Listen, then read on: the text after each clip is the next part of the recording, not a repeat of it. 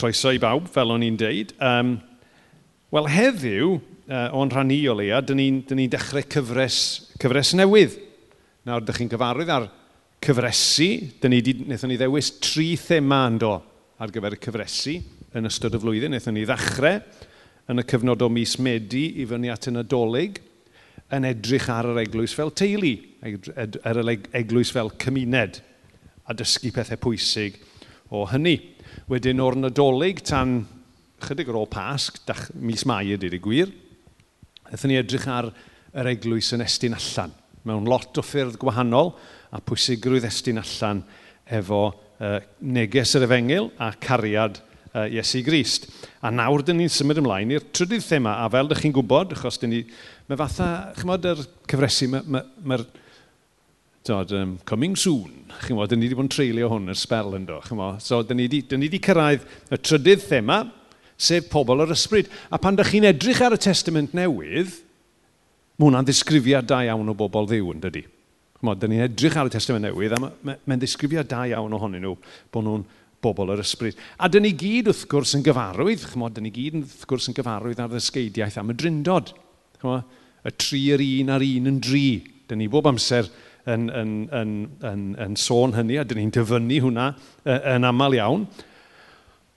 Ond, os dyn ni'n onest, dyn ni'n dysgu lot am ddiw y tad, dyn ni'n dysgu lot am ddiw y mab, ond faint dyn ni'n dysgu a faint dyn ni'n profi o waith diw yr ysbryd lan.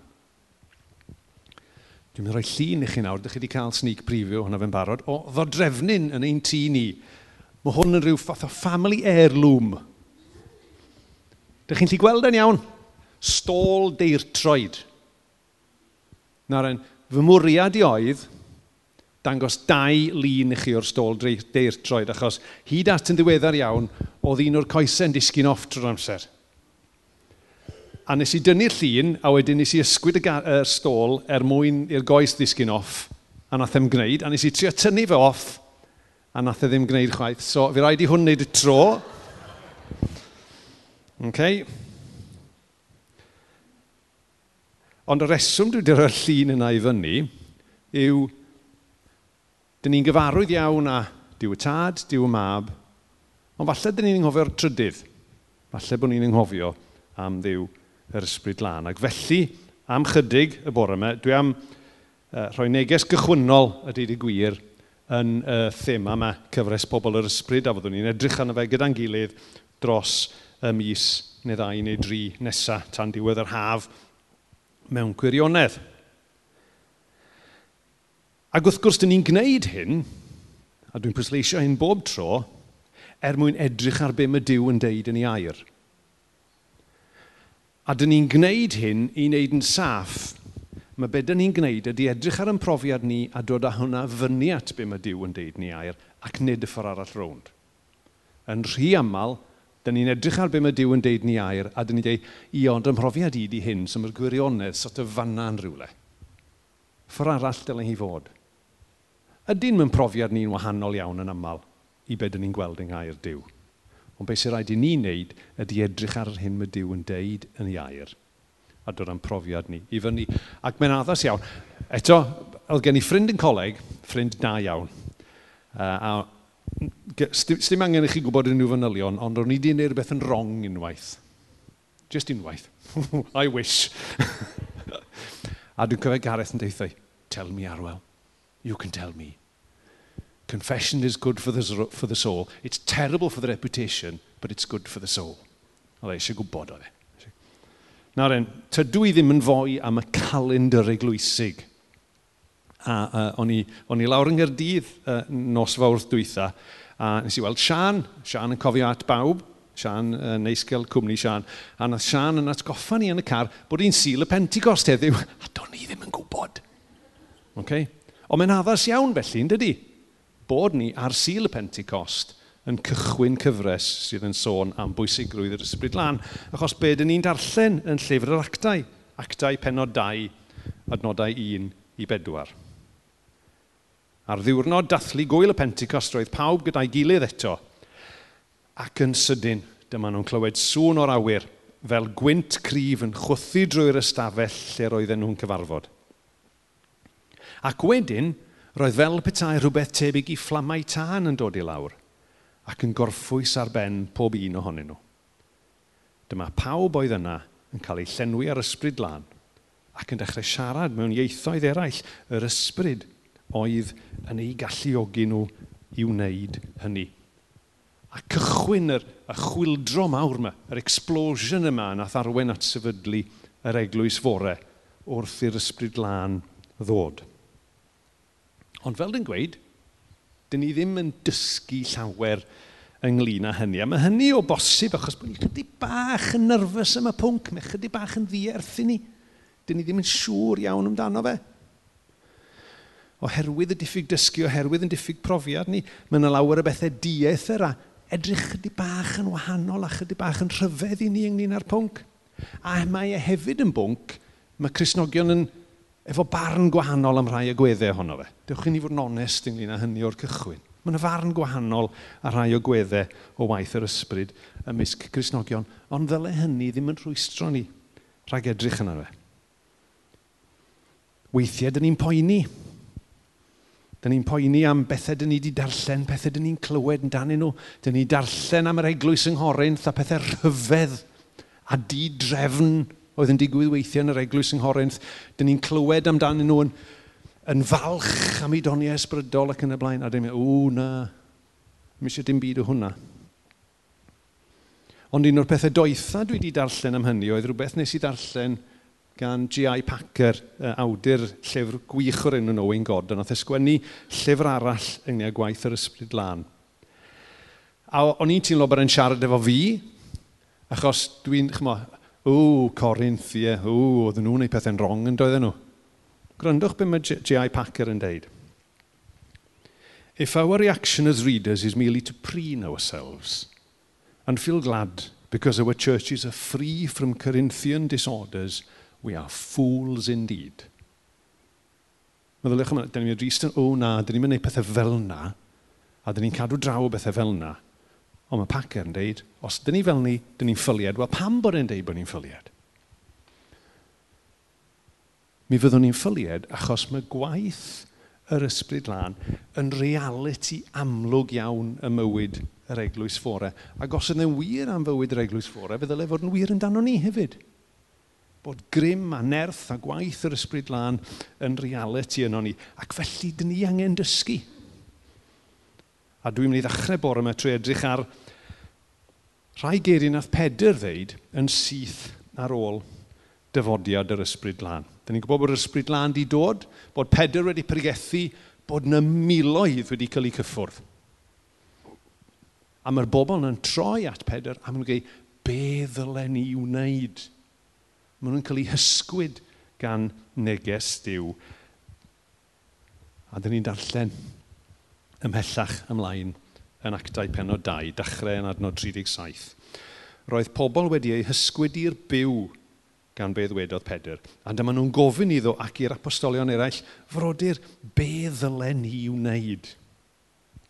Dyma Pedr nateb. Rhaid i chi droi cefn ar eich pechod a chael eich bydyddio fel arwydd eich bod yn perthyn i Iesu y Mesoea a bod Dyw yn maddau eich bechodau chi. Wedyn, byddwch chi'n derbyn yr ysbryd lan yn rhodd gan ddiw. Mae Dyw wedi addo hyn i chi ac i'ch disgynyddion, ac i bobl sy'n byw yn bell i ffwrdd. Pawb fydd yr arglwydd ein Dyw yn ei galw ato ei hun. Aeth Peder yn ei flaen i ddweud llawer iawn mwy wrthyn nhw. Roedd yn ei rhybuddio nhw ac yn apelio'n dair a chibwch eich hunain o, o afael y gymdeithas drwedig yma – Dyma rhai wnaeth gredu beth oedd Peder yn ei ddweud yn cael ei bedyddio tua tair mil ohonyn nhw y diwrnod hwnnw. So yn gwneud lot amser i dair mil o bobl fi'n trwy'r fedyddfa, ynddo fe. Ond on i fysa hwnna'n gret. Bod ni'n methu mynd adre, achos bod y fedyddfa yn llawn. So, dyn ni'n edrych ar ateb Peder. Am ateb Peder yn bwysig A mae'n arwyddocaol iawn. Achos be mae'n gwneud yw, mae'r bobl yn teimlo bod Dyw yn siarad efo nhw. A maen nhw'n teimlo'r angen i ymateb mewn rhyw ffordd. A be mae Pedr yn gwneud yw, yn ofalus iawn, mae'n mynd â nhw yn gam wrth gam trwy rai pethau pwysig.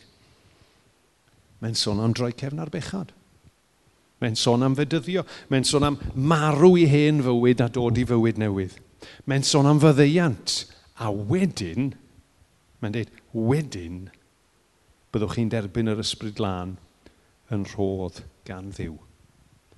A diw hwn ddim yn surprise, achos mae Iesu wedi deud bod hyn yn mynd i ddigwydd.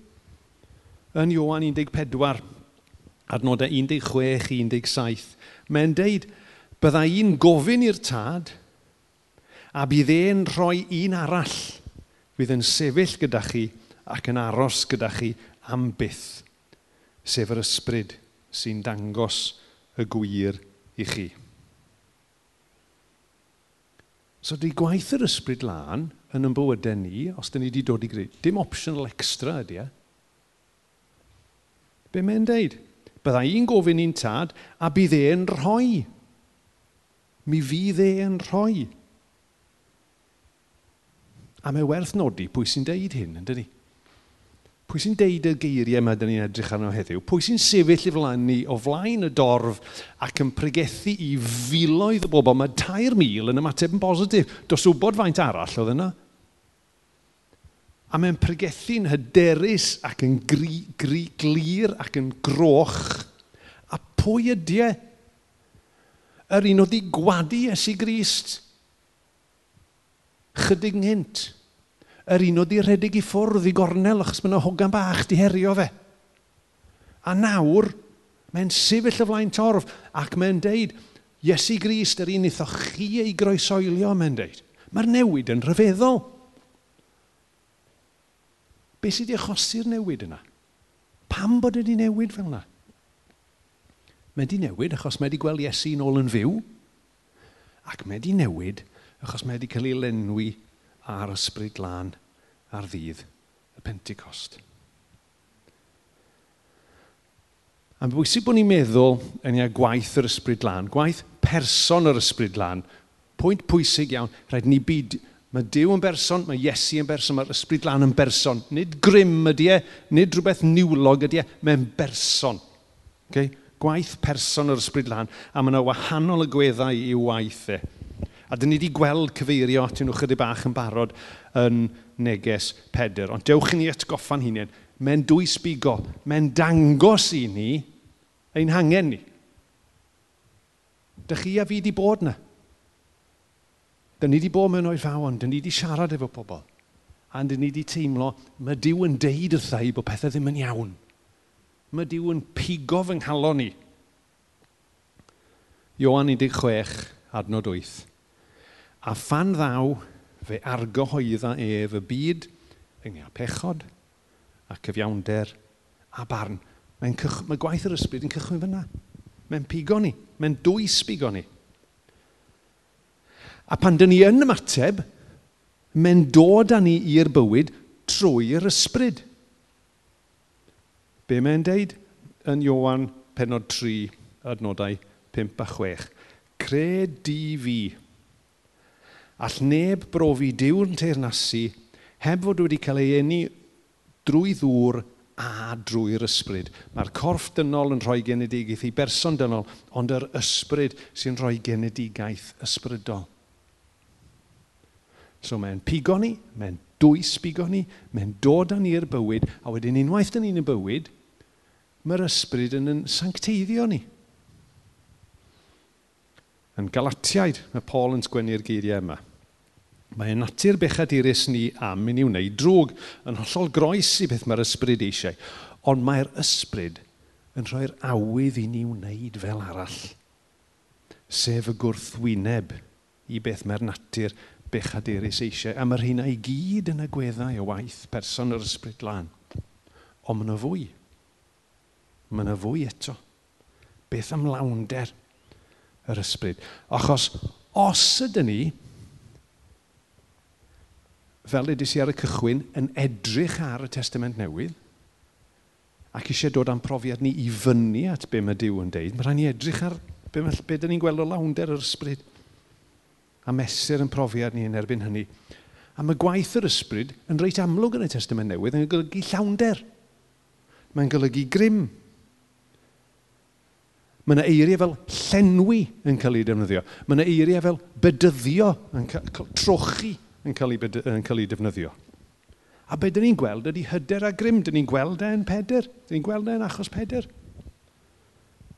Cofiwch adnod 8, actau penod 1. Bydd yr ysbryd lan yn disgyn arnoch chi ac yn rhoi nerth i chwi ddeud amdana hi wrth bawb. Yn Jerusalem a Judea, yn Samaria a drwy'r byd i gyd. A dyn ni'n gweld y broffwydoliaeth yna dod yn wir yn achos peder. Ydy'n llwfwr yma yr cawod i cat yma yn sefyll i fyny. Bydd yr ysbryd lan yn disgyn arna ti, Pedr, ac yn rhan rhywun i ti ddeud amdana i wrth bawb. Ac mae'n ei newid e. A mae gwaith person o'r ysbryd lan yn amlwg ym mhob rhan o'r eglwys ffore. Sawl tro dyn ni wedi darllen yn y testament newydd bod yr ysbryd wedi arwain rhywun i rhyw le.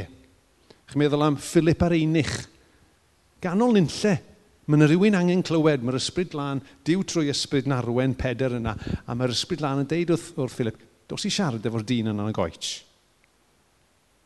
Mae'n reality. Byw, mae'n ei harwain nhw, mae'n ei llenwi nhw, mae'n ei nerthu nhw. Mae'r ysbryd yn dod â ni i ffydd, ond mae'n y fwy i'w waith na hynny. A dyna beth dyn ni'n mynd i fod yn edrych arno fe dros y misoedd nesaf a dysgu gyda'n gilydd a falle dysgu pethau newydd neu dysgu pethau sydd ddim wedi sincio fewn. Ond dyn ni angen dysgu y pethau yna. A mae rhaid i ni bob un ohono ni wybod sut mae ymateb i hyn yn y gyfres. Dwi'n mynd i gyfaddau i chi. Mae mhrofiad i o waith yr ysbryd yn aml iawn yn bell iawn o beth dwi'n gweld yn y Beibl. Ydy hwnna wir amdanach chi? Dyn ni angen dysgu am y math o waith mae'r ysbryd lan yn ei wneud y mywydau pobl diw yn ein bywydau ni. Dyn ni angen gadael i air diw yn herio ni. Ac os dyn ni'n caniatau air diw yn her herio ni, mae yna effaith i hynny. Mae hynna'n mynd ymateb. Achos os dyn ni'n profi llawnder yr ysbryd, mae yna ganlyniadau mae un o fy hoff aduron i John Piper yn gweld dau beth yn benodol yn codi o lawnder yr ysbryd. Un ohonyn nhw di mawl a diolch. Mae hynny'n amlwg yn ydy. Os dyn ni'n cael yn llenwi, mae hwnna'n arwain at fwy o fawl, achos dyn ni'n gweld a profi mwy a dyn ni eisiau diolch. Mae diolch yn codi o hynny. A'r ail beth yw i fuddod. Os dyn ni'n gweld mwy o waith diw drwy ysbryd yn y bywydau, o, dyn ni eisiau bod yn ifydd. Dyn ni eisiau blesio fe. Dyn ni eisiau gwrando arno fe. Gwrandwch ar be mae y proffw Jeremia yn deud. Jeremia 31. Dyma'r ymrwymiad fyddai'n ei wneud gyda phobl Israel bryd hynny, meddai'n adlwydd. Byddai'n rhoi fy nghyfraith yn eu calonnau nhw ac yn ei hysgrifennu ar ei meddyliau nhw mi na i orffen mewn munud, a wedyn gen i weld beth i'r sŵn cnocio yna yn y cefn a, a, a, ar y diwedd. Ond dewch chi ddod yn ymwybodol o be di'r... Be mae'r llawnder yna'n golygu? Be mae'r llawnder yna'n golygu i ni? Bod e'n arwen ar fawl a diolch, bod e'n arwen at i fuddod, awydd i fyddhau. A'r awydd yna'n tyfu tu fewn i ni. Ddim neb yn deitha ni be i wneud, ond bod ni eisiau gwneud mewn ymateb i gael yn llenwi gyno fe. Felly, yn y gyfres yma sy'n dachrau uh, o'n rhan i heddiw felly, dyn ni angen gwrando ar yr hyn mae Dyw drwy ysbryd yn deud. A bod ni'n cadarnhau yn ni yn ei aire. Mae hwn, yn mae'r sŵn yn intriguing yn dydi. Mae'n mae, mae mynd ar yn traws ni. Dwi'n siŵr bod y sŵn wedi cael ei yrru uh, i'n distractio ni. Achos beth dyn ni angen gwrando ond dyn ni'n nid sŵn cnocio, ond gair diw. Heblaw bod Iesu nocio ar y drws, sori, yeah, yeah, dwi'n agored i gael yng ynghywiro. Okay, let's go with that, okay? Iawn. Yr ail bwynt dwi eisiau wneud yw, dyn ni angen bod yn amyneddgar efo'n gilydd. Achos dyn ni'n i gyd yn dechrau o'r un lle, dyn ni ddim i gyd efo'r un profiad, A dyn ni ddim i gyd o reidrwy ddim yn ei gytuno ar bob beth. Ond mae'r undod yna o fewn y corff yn bwysig ofnadw. Rhaid ni gadw'r undod yna o fewn y corff. Ond, dewch i ni beidio bod fel y stôl yna oedd wedi torri. Dewch i ni beidio bod yn bobl sy'n edrych ar dwy o'r coesau yn heb y trydydd. Dewch i ni edrych ar y tri efo'n gilydd. Dewch i ni ddysgu gyda'n gilydd, gweddio gyda'n gilydd ac ymateb i'r dysgu hynna gyda'n gilydd. Dewch i ni weddio. A bydd yr arglwydd yn defnyddio hyn i gynyddu ein mawl, i gryfhau ein yfuddod ni a gwneud yn tystiolaeth ni fwy effeithiol. A meddyliwch am y tri peth yna. Os mae dyna gynlyniad mwy o waith yr ysbryd yn plith ni, bod e'n cynyddu yn mawl, yn cryfau yn efuddod a gwneud yn tystiolaeth mwy effeithiol. Dyna dri peth na di'r diafol ddim eisiau gweld.